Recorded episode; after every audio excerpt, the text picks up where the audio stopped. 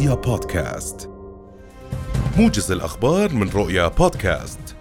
تجدد اليوم نشوب حرائق في منطقة وادي الشام الواقعة بين جرش وعجلون والتي شهدت حرائق كبيرة قبل عدة أيام.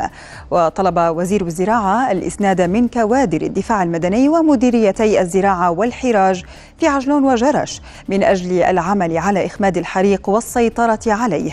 كما وتم طلب الإسناد وتدخل الطائرات كإجراء استباقي للمساندة في إخماد الحريق والحد من انتشار انتشاره وخصوصا في ظل ارتفاع درجات الحرارة والرياح.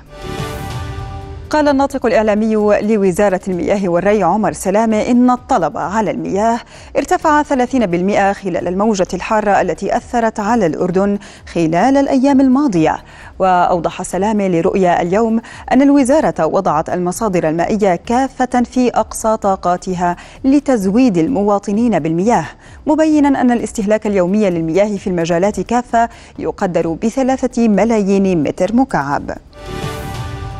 أعلن برنامج الأغذية العالمي للأمم المتحدة تخفيض قيمة المساعدات الشهرية بمقدار الثلث لجميع اللاجئين السوريين في مخيمي الزعتري والأزرق البالغ عددهم 119 ألفا. وبين البرنامج أن اللاجئين في المخيمات سيحصلون اعتبارا من آب المقبل على تحويل نقدي مخفض قدره 21 دولارا للفرد بدلا من 32 دولارا.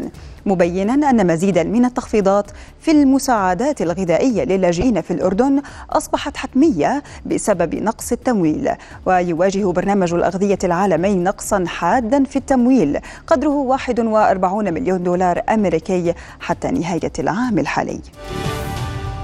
اقتحم عشرات المستوطنين المتطرفين صباح اليوم ساحات المسجد الأقصى المبارك من جهة باب المغاربة بحماية شرطة الاحتلال الإسرائيلي التي شنت حملة اعتقالات طالت عددا من المقدسيين. وأفادت دائرة الأوقاف الإسلامية في القدس بأن عشرات المستوطنين اقتحموا الأقصى على شكل مجموعات متتالية ونفذوا جولات استفزازية في ساحاته وتلقوا شروحات عن الهيكل المزعوم. وتواصل شرطة الاحتلال التضييق على دخول الفلسطينيين للأقصى وتدقق في هوياتهم وتحتجز بعضها عند بواباته الخارجية. شن الاحتلال الإسرائيلي فجر اليوم هجمات صاروخية استهدفت مناطق في محيط دمشق ما أسفر عن إصابة جنديين سوريين وفق ما أفادت وكالة الأنباء السورية الرسمية. وذكرت الوكالة نقلا عن مصدر عسكري أن الاحتلال الإسرائيلي شن عدوانا جويا برشقات من الصواريخ من اتجاه شمال الجولان السوري المحتل مستهدفا بعض النقاط في محيط دمشق.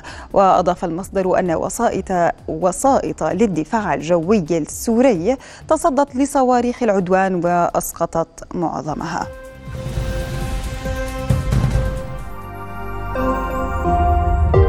رؤيا بودكاست.